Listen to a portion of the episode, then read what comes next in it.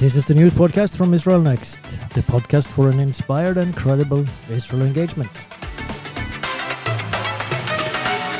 Was Jansen behind the microphone? This is Inside Out, bringing you the Israeli perspectives on the news, and today is August 19, 2022. So, another week, another new, new news, and um, this week we will deal with uh, particularly three things. One is the Jewish worshippers that uh, were visiting Joseph's tomb in Nablus and got attacked. Uh, it's not the first time, but um, happened again, and it stirs a debate in Israel. Then we'll talk about Mahmoud Abbas and his uh, infamous statements in Germany about 50 Palestinian Holocausts. And uh, then we will talk about uh, the international community's rage over Israel's uh, razzia uh, against human rights organizations that Israel says are serving as fronts for terror organizations. And then in the end, we have the weekly Torah portion. So um, let's go to uh, the first thing first uh, Joseph's tomb. So uh, the tomb of Joseph is located in uh, the biblical uh, Shechem, Sikhem, Shechem. I think you say in, um, in English. Today, Nablus, and it's in the outskirts of Nablus. So it's in the city that is under Palestinian Authority control. but the tomb, of course, is a holy site for Jews and has been so throughout the generations. Uh, and there have been uh, Jewish worship going on there uh, also for for generations. So um, before the Oslo Agreement, 1993, um, Israelis were going back and forth, and uh, was not a big deal. Uh, there, there were there was a yeshiva connected to this uh, tomb, and a lot of Jewish activity there.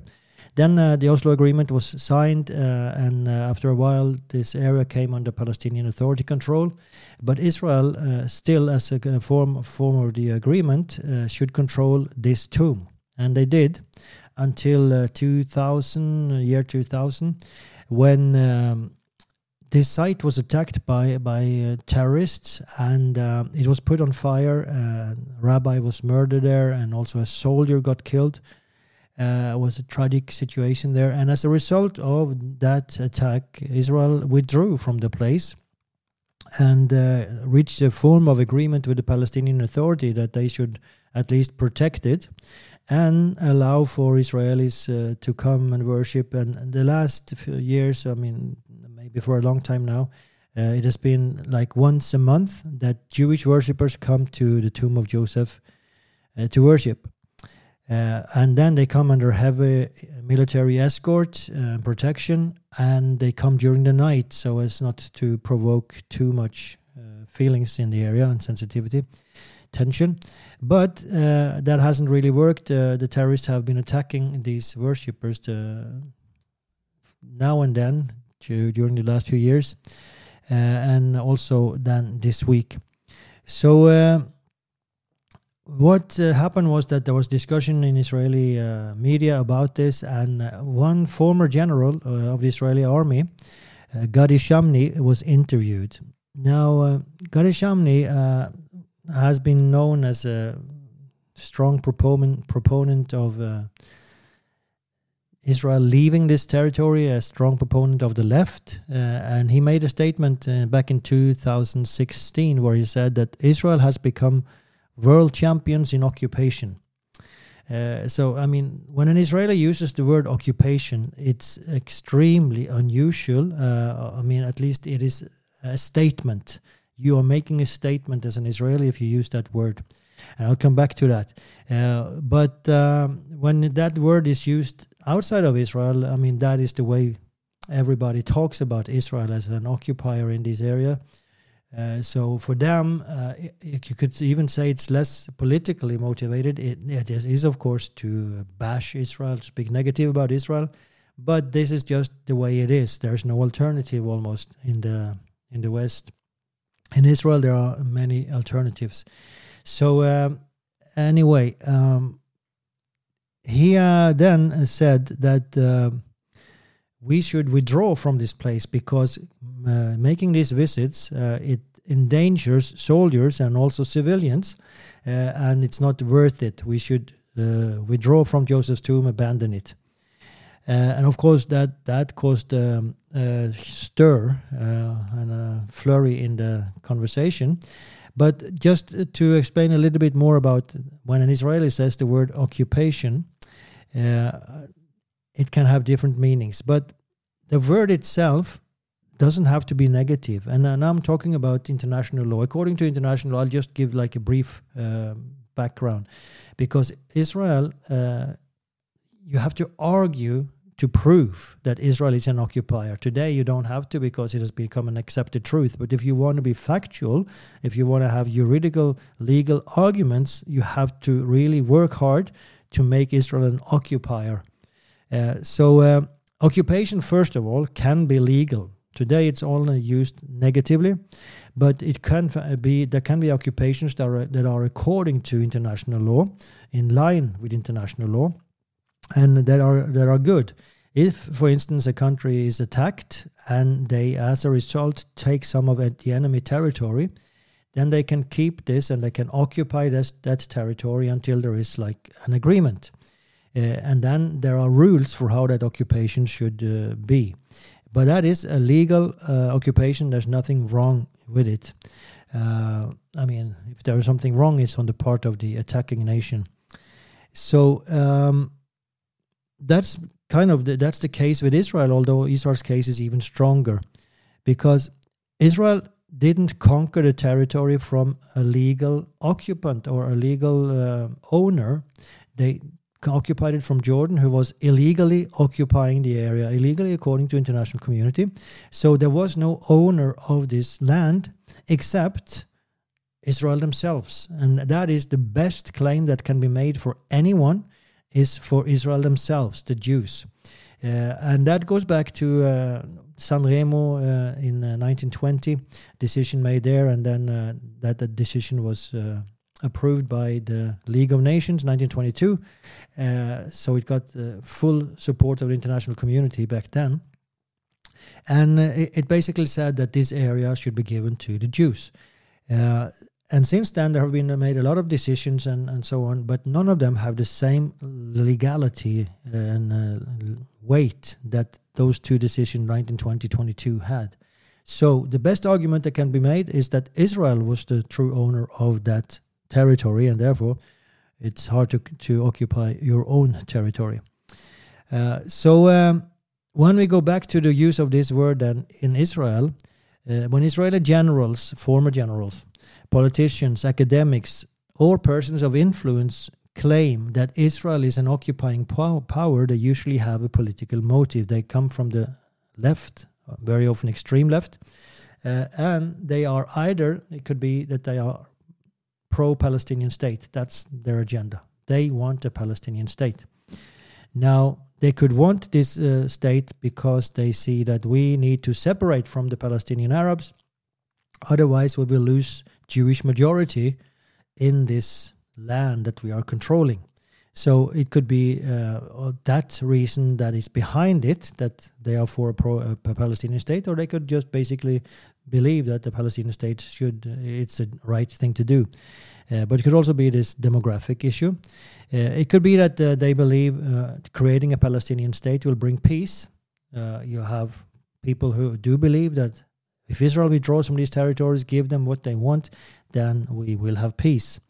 Uh, then you have uh, those that are just hostile to to uh, the settlers. You do have those motivations as well. They are hostile to those who claim that Israel has a historic right, a religious right in that area.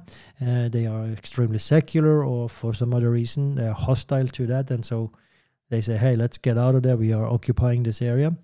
Uh, it could also be an economic reason. Uh, some say uh, that because it's so expensive, it costs a lot to keep the IDF there and this, the Israeli army and so on. So let's use those money inside the green line, inside the acknowledged Israel instead. It could also be a reason of human cost. It costs too much in, in form of human lives. soldiers and, and settlers. Uh, so there could be many motivations behind uh, this that they, they, want Israel to leave, and calling Israel an occupying power then uh, is undermining the Israeli presence in the area, and that's why many use it. Uh, anyway, uh, Gadi Shamni, that is a general, then said uh, we should leave, and he was confronted then with the head of the settler organization, Samaria's Regional Council. His name is Yossi Dagan. And uh, Dagan said that, uh, well, Gadi Shamni has a track record of attacking settlers, so this is not something new. He has uh, adopted this left agenda. Uh, and it seems like he, he has made it uh, a goal in life to attack settlers.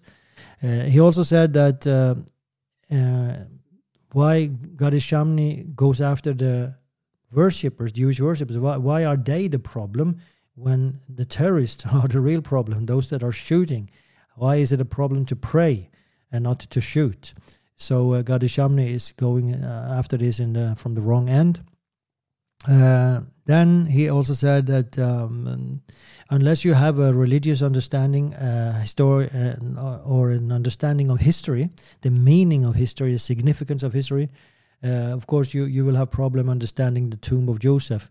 But we need to have a, a understanding of, of history, Jewish history. That is our attachment here. Um, and then he came with a solution, uh, according to Dagan. Instead of withdrawing from Joseph's tomb, Israel should take full control there, like they have the right to do according to the Oslo Agreement. So um, th- this uh, was uh, Yossi Dagan, and uh, of course I completely agree with him.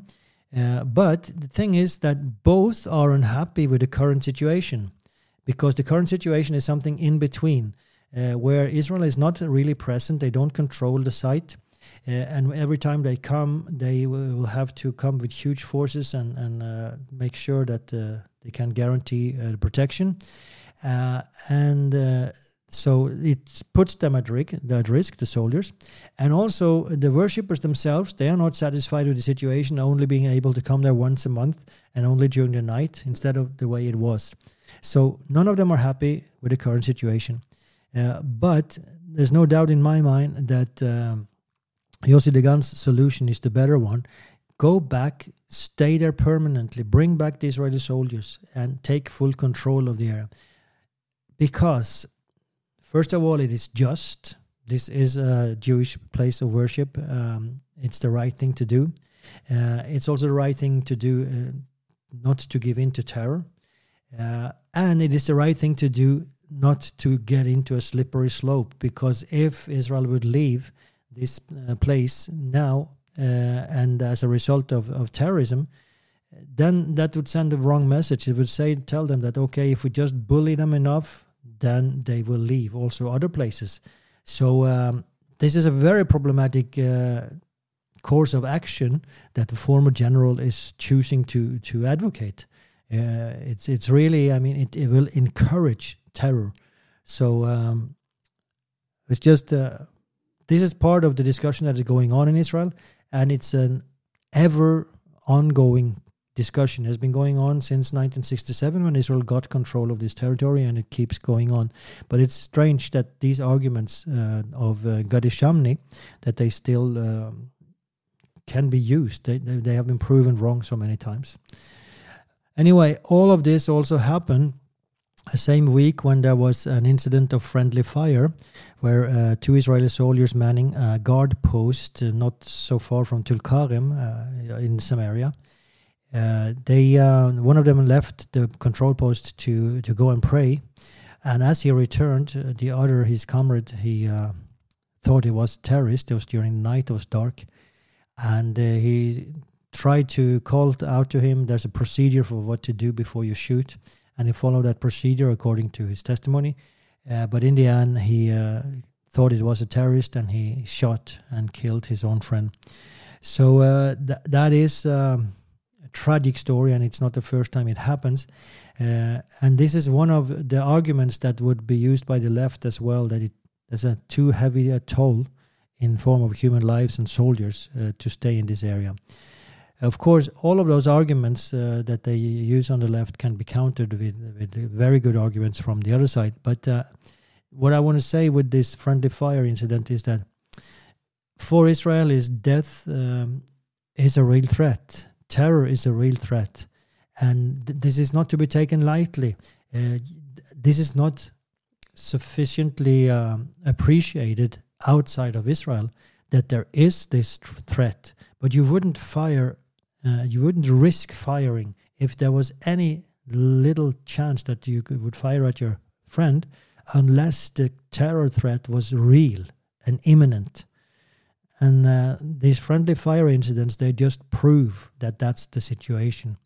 But still, uh, outside of Israel, that's not so well understood.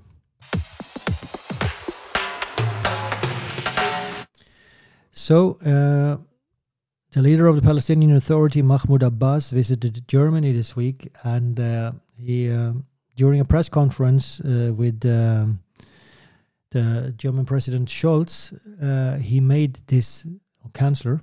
He made this uh, statement. That, he got a question if he would condemn the terror attack that took place 50 years ago against Jewish athletes in München. And just remind you that a terror attack was perpetrated by a pro Palestinian organization. Uh, and he said, Well, if we want to dig further into the past, yes, please. I have 50 massacres that were committed by Israel. The Palestinian leader said at the end of the press conference 50 massacres, 50 holocausts. And to this day, every day, we have dead people killed by the Israeli Defense Forces, by the Israeli army. So uh, that was, uh, he didn't call them the Israeli Defense Forces, he called them the Israeli Army. But uh, anyway, so uh, he used this word 50 holocausts.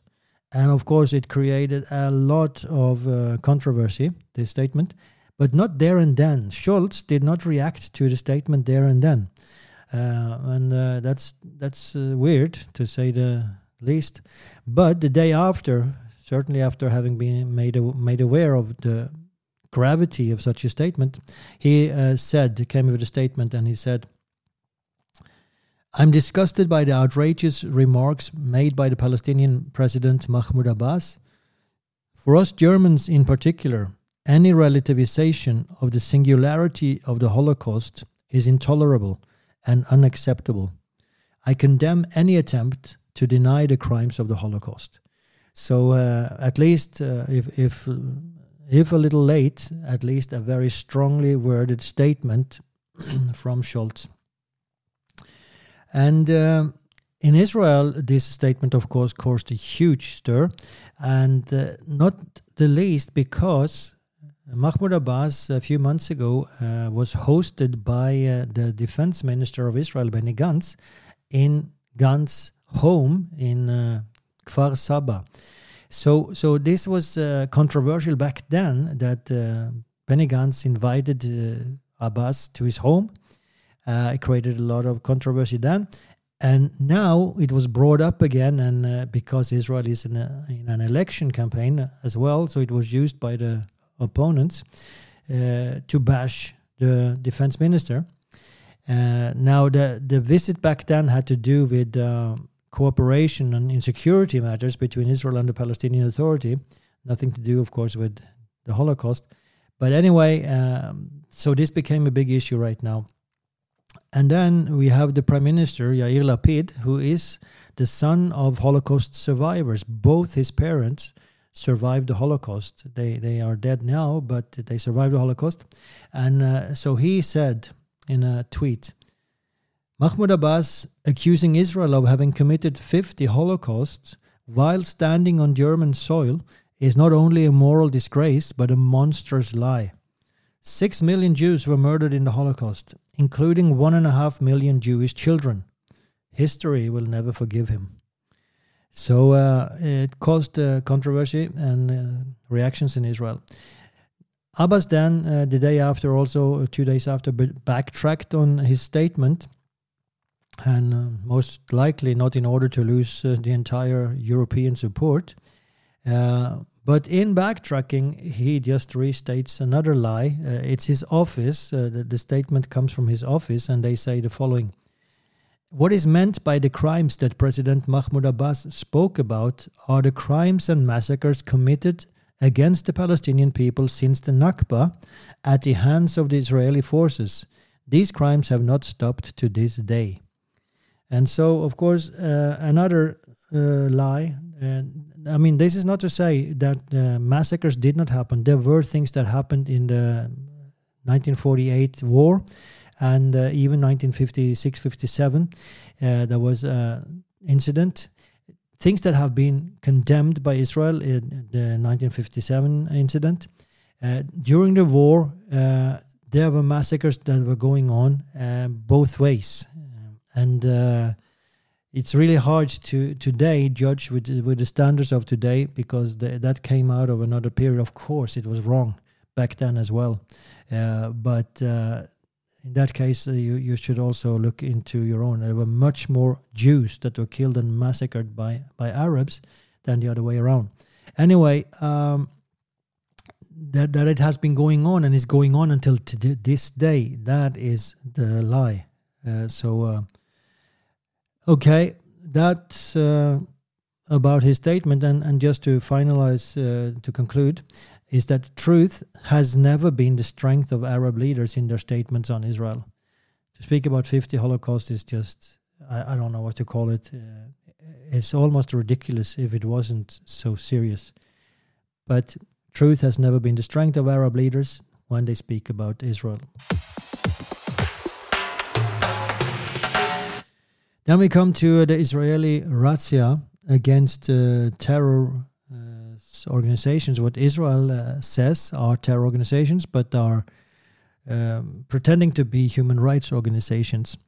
And this uh, uh raid against those offices happened on Thursday morning in Ramallah. The IDF broke into and searched uh, the offices of six uh, organizations uh, that Israel, in October last year, declared to be terror organizations. And um, this week, because the, all these organizations they appealed to the court that decision uh, and this week uh, at least uh, for three of them the decision was upheld uh, i'm not sure about the other three but so then it was ratified by the defense minister of israel that these three are indeed uh, terror organizations and it was became part of israeli law and that says uh, also how to how to relate to them. And the three that are now finally, uh, like according to the law, uh, terror organization is Bisan, Addameer, and Union of Palestinian Women's Committee. And it's interesting also with the names. Uh, Union of Palestinian Women's Committee sounds so innocent, and there's also an uh, another of these organizations is an agricultural organization, but that's is, is exactly the point. Uh, they use these nice words to because it is a facade that is hiding something ugly. Uh, so uh, the, the, the tragic thing is that uh, the Europeans they buy this and they speak. Oh, these are women organizations and they are farmers organizations and so on. Um, not uh, not seeing that this is conscious tactics, or not wanting to see that this is a conscious tactic. Okay. Um, so, according to Israel, then there's a press release from Israel that says uh, speaks about these organizations and the accusations against them, and that press release says like this: All of the organizations in question operate under cover and in agency of the PFLP, the Palestinian Front for the Liberation of Palestine. Uh, so this is uh, an organization that has been declared a terror organization by Israel for decades and also by the US. Um, so they operate for the PFLP in Judea and Samaria as well as abroad. The organizations operate under the guise of performing humanitarian activities to further the goals of the PFLP terrorist organization, to strengthen the organization and to recruit operatives. They also assist in raising funds for the terrorist organization via a variety of methods that include forgery and fraud. The five organizations are controlled by the PFLP, employ PFLP operate, operatives in management and field positions, and operate to conceal their affiliation to the terrorist organization out of fear of the security agencies in Israel and in the countries where they raise funds. So uh, Israel is very clear in their language uh, what they are, how they operate. Uh, so um, and they of course say that they have the proofs of, of this, uh, proofs that uh, Europe does not accept. Um, the other organizations, or in total, these six organizations that Israel declared terror organization last year is Al Haq, Addameer, Bisan Center, Defense for Children International Palestine, Union of Agricultural Work Committees, and Union of Palestinian Women Committees. So um, then uh, Norway is an interesting uh, case here because Norway is the leader of the donor nations. Uh, the donor group was established uh, very early on in the Oslo process, and Norway has been leading that group ever since. And uh, of course, for Norway, Norwegian politicians, this is uh, prestige. So, uh, therefore, the Norwegian reaction is interesting. And the Norwegian reaction was very strong after the Israeli raid. So, uh, there was, uh, among other things, an interview with an expert, a professor at uh, PRIO, which is uh, Peace Research Institute Oslo. And his name is Jørgen Jensehaugen and uh, in this interview uh, at uh, Norwegian radio, he was downplaying, first of all, the PFLP's terror activity. He said, well, there were some historic acts of terror. Uh, so it, he, he like seemed to place everything back into history and not now. So so now seemingly there there's never been terror in in uh, recent history. That that's the impression he gave. And then he also talked about uh, the proof that Israel has given, and he pr- uh, talked about it uh, in a very negative way. The proof does not hold water. The so-called proof, he used that phrase. So um, again, it's interesting uh, on on the basis of what he, he, can say that. Of course, he can say that based on what uh, politicians have said and so on in, in Europe and in the US but uh, has he seen the proof himself? Does he does he know? Is he able to evaluate it? This is an academic. He's a professor, and he should speak academically. So um, at least, uh, unless he has seen this proof, uh, it would be hard to make such a statement. Okay.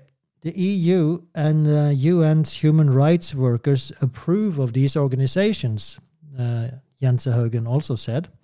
And so he used that as an argument that these organizations are not terror organizations because even the EU and the UN human rights works uh, human rights workers approve of them. Okay, so when you speak about UN human rights workers that are active in this area, uh, they have no agenda of objectivity. I can say that uh, without them uh, exaggerating. Um, and uh, many of them are Palestinian Arabs themselves. So uh, when it comes to the UN, the UN agenda on Israel, it's completely biased. So appealing to the UN and especially the UN human rights workers is uh, does not give a lot of credibility. If you go to the UN human rights uh, organization, the, the um, this council, uh, they are so biased to Israel and have been uh, reproved by the US and uh, other nations time after another for their bias. So, not a good argument, Mr. Jensehaugen. And even the EU. The EU is a sponsor of these organizations, and they have their own interest in making sure that this is not the truth. Because if this is true that these organizations that we have been giving money to money to for decades if it's true that they are terrorist organizations then then uh, it will prove us a failure. Our policy is a failure. And of course uh, we would have to defend before the taxpayers why we have been giving this money to terror organizations. So these are not objective sources to go to and to say that they approve of these organizations. How objective can you be if you fund these organizations or if you belong to the UN? Then there was uh, also, I will come back to um, Jensehaugen, he, he has made other statements, but uh, there was also a statement made by the foreign minister of Norway, Anniken Huitfeldt, and she was upset over Israel because Israel, uh, these organizations, she said, do an important work to defend the Palestinian human rights uh, against the Israeli and Palestinian authorities. Um, okay, um, that's true. They they do an important work uh, to defend uh, the Palestinian human rights. Uh, that the, the problem is that together with that, they also engage in terror, and uh, the importance of their work uh, might also be questioned, and especially since they also engage in terror. So, uh, I mean, the, the entire work, their, their entire work in favor of human rights must be questioned the minute they enter into terror. Um, then it says here also in the Norwegian radio uh, on their written uh, source on their website it says that Palestinian authorities call the Israeli action a dangerous escalation and an attempt to silence the voices of truth and justice. So here, that Norwegian uh, media outlet they quote the Palestinian authorities, and and these authorities say that Israel is trying to silence the voices of truth and justice. Yes, based on what we just heard Mahmoud Abbas saying about 50 Holocaust, you wonder how much truth and justice there is uh, in the Palestinian leadership and Palestinian authorities. So, uh, and that's only one example. You could bring hundreds and thousands of others. So, um, again, it's not a very good uh, statement to make. Um, then Huitfeldt, the Norwegian foreign minister, she also said that a vibrant civil society is important to support and develop a democratic process in Palestine and to support a two state solution. And I completely agree with the first uh, part of this sentence. A vibrant civil society is important to support and develop a democratic process. So, if you want to see that in action, go to Israel. There's a vibrant civil society that is supporting the dem- democracy of Israel. It's uh, it's the best example uh, that I can think of uh, of a vibrant um, society, civil society. And, but she, of course, speaks about this must be uh, also come to Palestine, and, and I agree that there should be a vibrant process there as well. Uh, but then she added, and to support a two state solution. And, and here is the, the um, trap uh, that she and European politicians they see no other solution, they see no other alternative than a two state solution. And if you are locked in that solution, uh, then there are certain uh, things that you cannot uh, leave. There are certain things you cannot abandon, even if they have proven to fail time after another. And this has proven to fail. The vibrant society is not created in the Palestinian Authority because you have a Palestinian Authority leadership that does not want it. That is a dictatorship. So continuing to support this dictatorship will not create a vibrant civil society. Um, and you also have to question then the entire two state solution. If you lock yourself in a certain solution, you uh, do yourself no favor.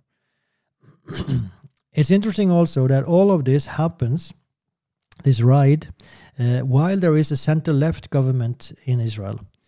The prime minister now comes from a center left uh, party, the same, uh, the defense minister that ratified also these uh, decisions about three of the organizations being terror organizations. Uh, so this, are, this is not like a right wing extreme government. And to be honest, I don't think Israel ever has had a right wing extreme government. Um, but uh, now uh, we have a center left and still, this happens. So maybe that should send a signal to Europe. I also just uh, briefly mentioned that uh, NGO Monitor is uh, an Israeli uh, NGO uh, that uh, looks over and, and, and researches all of these different NGOs that are active in Israel, pro Palestinian. And um, they um, have a lot of facts on each of these six organizations that uh, just uh, speaks about their terror relationship.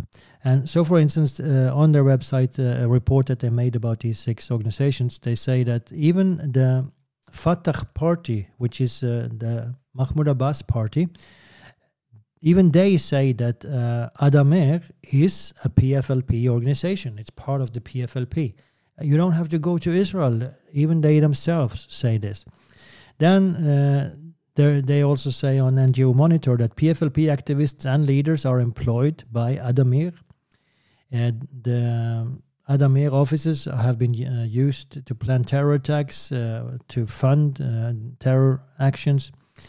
Um, many uh, of the employees of Addameer have been, or some at least, have been uh, imprisoned for terror activity.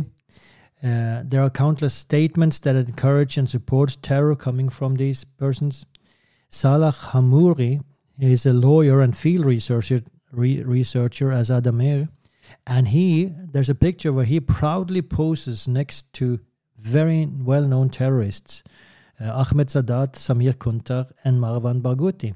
So here you have uh, employee of Addameer posing with Ahmed Sadat responsible for murdering the Israeli tourism minister, Rehavam Ze'evi. He's posing with Samir Kuntar, responsible for a massacre of a family on a beach in Israel uh, way back, a brutal murder and massacre. And we have Marwan Barghouti. He's together with Marwan Barghouti, uh, sentenced in Israel for five, the, the, the, murder of five persons. So, uh, in addition, uh, on this website of NGO Monitor, they also uh, say that um, this agricultural organization, the director of that organization, Samer Arbid, was arrested for the murder of Rina Shnerb in 2019. Uh, Rina Shnerb was murdered as she uh, walked uh, on a road, uh, and there was a roadside bomb that was detonated by remote and that killed her and injured her father and her brother. So and so we have these clear connections. Now, uh, when Israel then made this right, especially then uh, in Norway, but in Europe as in general, but Norway, as I said, is uh, particular because of their position in the donor group. Uh, so Norwegian media, human rights organizations, academic institutions, politicians went off their hinges uh, in critique criti- criticizing Israel because Norway has a prestige in this. Uh, if if Norway, it turns out that Norway has been leading a group that is uh, has been supporting terror. Of course, that would be a huge blow to the prestige of Norway. Um, if we go back to the interview with Jensehaugen, this uh, expert from uh, the Research Institute in Oslo, then uh, he was asked, why is Israel doing this? Why, why do they raid these offices? Well, Israel is an occupying power, he says, and Israel does not want there to be much focus on how they rule the occupied territories. So that was his answer. The first, the Israel is an occupied power, occupying power, and of course that is a statement that I've already discussed. But uh, for from his side, then that that would mean okay, Israel is an occupying power. This is what an occupying power does. It's it's like bashing Israel. But then he also detailed it more and said Israel does not want there to be too much focus on how they rule the occupied territories. Um, okay, that's a peculiar statement. Thinking of uh, that Israel generously accepts criticism. I mean, they there's so much criticism going on against Israel that there is no other nation on earth that can be compared. And uh, not that I have tried to compare, but I am convinced that there is no other nation that is criticized as much. Um, so, um, for and then we're talking about criticism on all levels, including within their own Israeli parliament. In that parliament, you have members of Knesset accusing Israel of massacres you have other members trying to uh, to uh, destroy the very essence of the state, uh, claiming, I mean, that it should not no longer be a Jewish state, which is what it was established for, according to even international resolutions. It should be a Jewish state, and they're trying to uh, to take that away. uh, and uh, and they are making horrible statements uh, about Israel, trying to bring uh, the nation to the International Criminal Court in Hague and, and delegitimizing. And all of this is happening from the pulpit of the Israeli parliament. These voices are not silenced. They have been going on there for decades. And fact of the matter is that some of them ought to be silenced because they are really working against the state itself. In addition to that, um, there are many uh, human rights organizations in Israel, more than you can count. Just on the website of NGO Monitor, there were 239 NGOs or human rights organizations that were active in Israel. And that's only the ones that they have been controlling or, or like uh, checking out. And I guess there would be many, many more. So 239. I mean, uh, just to put this into perspective, if you take away three of them, there will be 233. I don't think it will influence a lot of the criticism of Israel. If Israel is afraid of criticism, uh, there wouldn't be 239 of these. Now, I'm not saying that it's okay to just close down six uh, organizations uh, without evidence. Of course not. But uh, here, Israel has evidence according to what they say. So, uh, anyway, Israel is not afraid of criticism. There are 239 organizations. Um, then we have the journalists. Israel is packed with journalists, maybe more than any other countries, if you compare it to the size and um, population. Uh, there are more critical eyes directed towards Israel than any other nation, and there are more academic activity regarding Israel. And of course, most of it is critical articles and books and studies and demonstrations and boycotts in, universities. Uh, Israel is in focus more than any other nation. And we have more UN resolutions and condemnations than against any other nation. So uh, I don't think uh, Europe needs to worry that the criticism part will cease. Uh, there, there's no chance. Then uh, Jensehaugen also said uh, that Israel will not do the same to B'Tselem because he, got, he was asked. Uh, B'Tselem is an Israeli human rights organization, and all these six that we've been speaking about are Palestinian Arab. So uh, the question was, will Israel also close B'Tselem? And there are other similar to B'Tselem inside Israel. And uh, he said, No, I don't think they will do that because Israel has two different systems. They have one system uh, for Israelis and they have one system for Palestinian Arabs. As if this was something really bad and hypocrisy and, and uh, well, I don't want to say the A word, but uh, and he didn't say it either. But um, it seemed like this was this was really bad. Israel has two different systems, two parallel systems.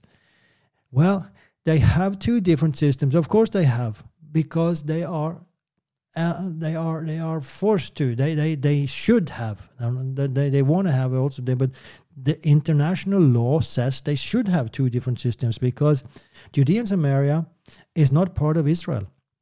It's not. Um, it has not been annexed. Israel has not applied Israeli law to this area. So then, according to international law, you should pl- apply another system, a military administration there, and this is what Israel is doing. So um, this is not something uh, bad, something immoral. This is according to international law. But Jens Haug uh, lets us gives us the impression that this was was really bad. But the main reason that Israel will not do uh, this to B'Tselem is that B'Tselem, so far at least, has not engaged in terror. And that's why Israel is not doing it to 233 other organizations. Only these six. Well, you never know. There might come more because I guess there will be more that are engaged in terror. But uh, for now, that's the reason, Mr. Jensehaugen, that Israel will not go after B'Tselem unless B'Tselem also starts to engage in terror. So um, you must ask then what what does uh, Jensehaugen and and all uh, all of Europe uh, really think? Why does Israel do this? And and uh, he was asked why because this is uh, kind of counterproductive. And uh, Jensehaugen did have a problem answering why Israel would do this because he said like this it's hard to see Israel's rationale behind it, eh, or he had a hard time describing Israel's rationale behind it because he said Israel know that this will have immediate reactions, but uh, the, they must believe that in the long term this will pay off, and uh, that's uh, that's his kind of um, explanation. It's not really an explanation; it's speculation. Okay. Anyway, there is another way to look at it, and um, when you come to such a vague uh, answer, well, Israel must believe that there's a long-term benefit. There is something called Occam's razor, and uh, it's a rule in philosophy, theology, science and it, uh, according to Merriam and Webster, uh, there's a definition that says uh, defines Occam's razor, and it says like this: a scientific and philosophical rule that enti- that entities should not be multiplied unnecessarily, which is interpreted as requiring that the simplest of competing theories be preferred to the more complex. Basically, if you have different options, different solutions, the easiest one is usually the correct one. The the shortest way to an answer is usually the correct answer. If you have to make a lot of uh, detours and and like uh, unexplainable, inexplainable things to reach your answer, you're probably on the wrong way. And this is what uh, Jensehaugen and, and Europe uh, is, are engaged in. There is a simpler answer. Israel is speaking the truth. Israel is afraid or is, has proof that these organizations are engaged in terror and Israel is protecting itself. That is a very straightforward answer and it explains all of the Israeli actions. But so why should Israel enter into a guaranteed conflict with the entire international community if there was no good reason? But the reason is the following that it is Israeli children and mothers and fathers that are murdered. It's not European. And that's why the Israeli leadership see that we have a responsibility to defend our people. And this is what we do. If we have to raid these uh, organizations, then we do it to save human life. So um, it's uh, it's very hard to understand how Europe thinks that Israel thinks. If if their own uh, European criticism is correct, because it doesn't make sense. You wouldn't just pick a fight. It's not that Israel suddenly got bored. Oh, it has been so quiet on the media front for so long. Let's make a ride here and see what uh, European uh, reactions we get. That's not the way it works. This uh, was an organization, this was an operation that was implemented because Israel believes it saves lives. That takes us to Parashat HaShavua, which uh, this week is Ekev from Deuteronomy 7:12 to 11:25.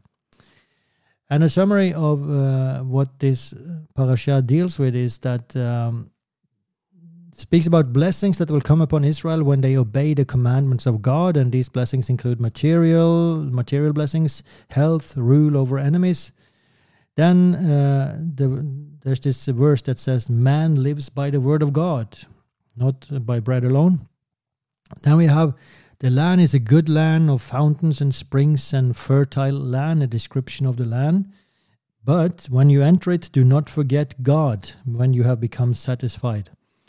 It is not because of your righteousness that you will possess the land, because you are stiff necked, but it's because of the wickedness of the people that dwell there and God's love for Abraham, Isaac, and Jacob. Then God reminds them, uh, the Israelites, of their rebellion with the golden calf and other incidents. Uh, then we have the story about Moses interceding for them and God turning away from his wrath against them. Moses then retells the story of uh, the tablets, the, the new tablets that he had to make. Uh, and then uh, there are some practical aspects of the law, like circumcision and treating the strangers well. Again, an admonition to love the Lord. Then the verse that says, The eyes of the Lord are always on the land that you will possess, and it will receive its rain in due time when you follow God. And the last verse is about the borders of this land that should be from the Euphrates to the Western Sea, the Mediterranean. So, uh, a couple of comments uh, from, from some commentators. Uh, Beware that you not forget. This expression is repeated at least four times in this uh, portion. Beware that you do not forget. Why is it repeated? Why is it so important? Because when you forget where you come from, forget what God has done and what He has said, you are almost certain to go astray. You are certain to leave God. And um, in uh, this context, uh, the, this commentator cites uh, Baal Shem Tov, a very famous rabbi from the 18th uh, century. And Baal Shem Tov said, In remembrance lies the secret of redemption. Very interesting uh, wording. In remembrance, remembering stuff, there is the redemption. If you want to reach redemption, make sure you remember. And this is especially interesting now because we live in a time when there is a tremendous focus on the now and on the future, and especially my future, individual future. But it, there's tremendous focus on here and now, very little focus on what has been, on history. Even old things and old people are like out. That, that's not popular today. It's here, it's now, it's young, it's fresh, and that's the thing. Uh, so all of this is against God. It's against biblical principles. And it's also even against self preservation because if you don't remember, you will go astray. Uh, and if you take this to the New Testament, uh, one of the last commandments that uh, Jesus gave his disciples was do this in memory of me the communion. So Jesus is very aware of that you have to remember in order to go straight, to have a stable walk forward. So um, interesting, and especially because it goes so uh, opposed to the trend of uh, our society. A second commentator sp- spoke about listening being greater than seeing. Um, in this parasha, we have the, the word uh, Shema uh, here uh, several times, and uh, totally in the book of Deuteronomy, this word is mentioned 92 times. Listen, hear.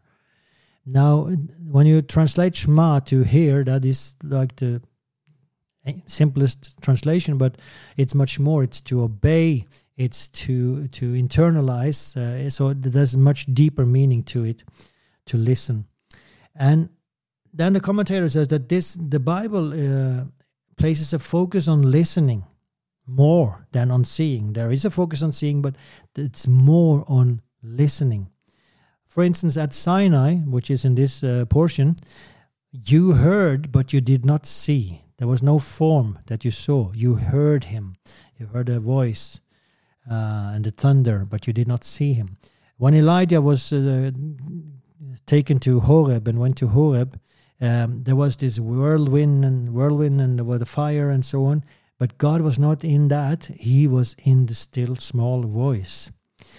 And when Samuel anointed David, God told him, Do not look at the outward. Do not look at the stature of his brothers and how great they are, because I have rejected them. I do not look to the outward. So uh, there's a emphasis on listening in the Bible. Now, this is uh, contrary to the Greek culture, which is very visual.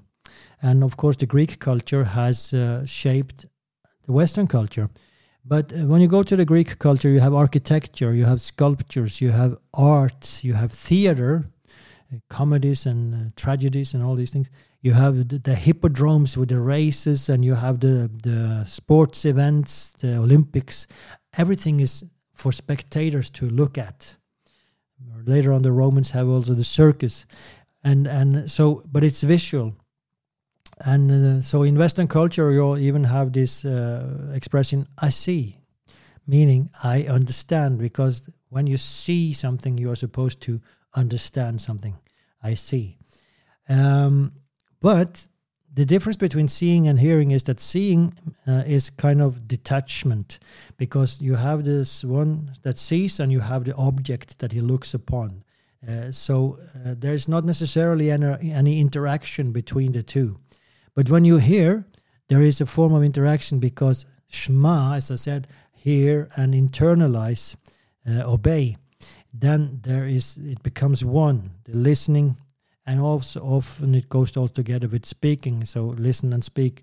But so it creates a relationship when you listen, um, and that will lead to knowledge. Uh, and that that's interesting because. Uh, I see is like the way that we are that's understanding, that's knowledge in our, in our Western cult, in Greek and culture. But in Hebrew, to know something, the word knowledge is uh, is from the word uh, know, and uh, it comes from knowing something. So, for instance, in uh, Genesis four one, Adam knew Eve, and she conceived. So knowing is relationship. It's intimate relationship. Here even sexual relationship. So that is to know something in a biblical way.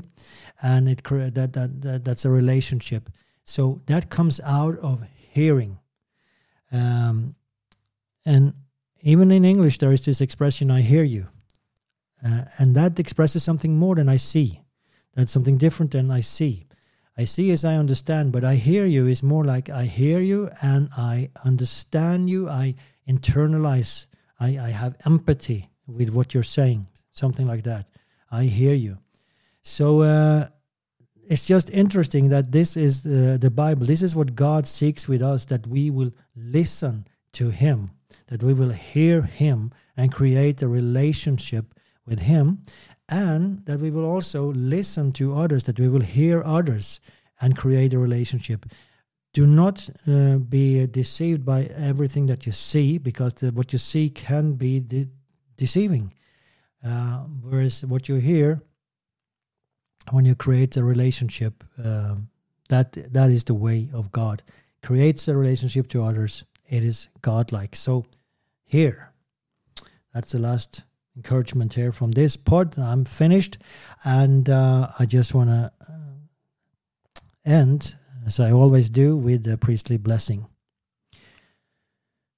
יברכך אדוני וישמרך. יאר אדוני פניו אליך ויחונקה. יישא אדוני פניו אליך וישם לך שלום. Amen. So, thank you so much for listening, and until next time say something good about Israel.